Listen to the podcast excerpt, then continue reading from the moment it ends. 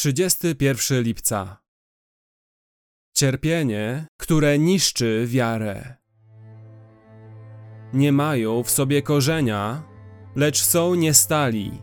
I gdy przychodzi ucisk lub prześladowanie dla słowa, wnet się gorszą. Ewangelia Marka 4:17.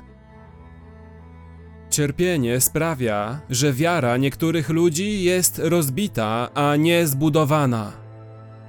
Jezus wiedział o tym i opisał to w przypowieści o czterech rodzajach gleby. Niektórzy z tych, którzy słyszą Słowo Boże, z początku przyjmują je z radością, ale potem cierpienie sprawia, że się gorszą. Tak więc utrapienie nie zawsze umacnia wiarę. Czasami niszczy wiarę. I wtedy spełniają się paradoksalne słowa Jezusa. Temu, który nie ma, zostanie i to, co ma, odebrane. Marka 4:25 Jest to wezwanie, abyśmy znosili cierpienie z silną wiarą w przyszłą łaskę, aby nasza wiara umacniała się i nie okazała się daremną.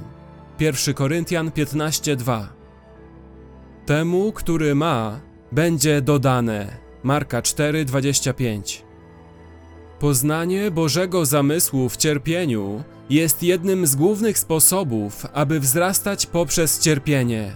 Jeśli myślisz, że Twoje cierpienie jest bezcelowe, albo że Bóg nie ma nad nim kontroli, albo że jest on kapryśny lub okrutny, wtedy Twoje cierpienie odwiedzie Cię od Boga, zamiast odwieść Cię od wszystkiego innego oprócz Boga. Tak jak powinno. Dlatego kluczowym jest, aby wiara w Bożą łaskę obejmowała wiarę w to, że Bóg obdarza łaską poprzez cierpienie.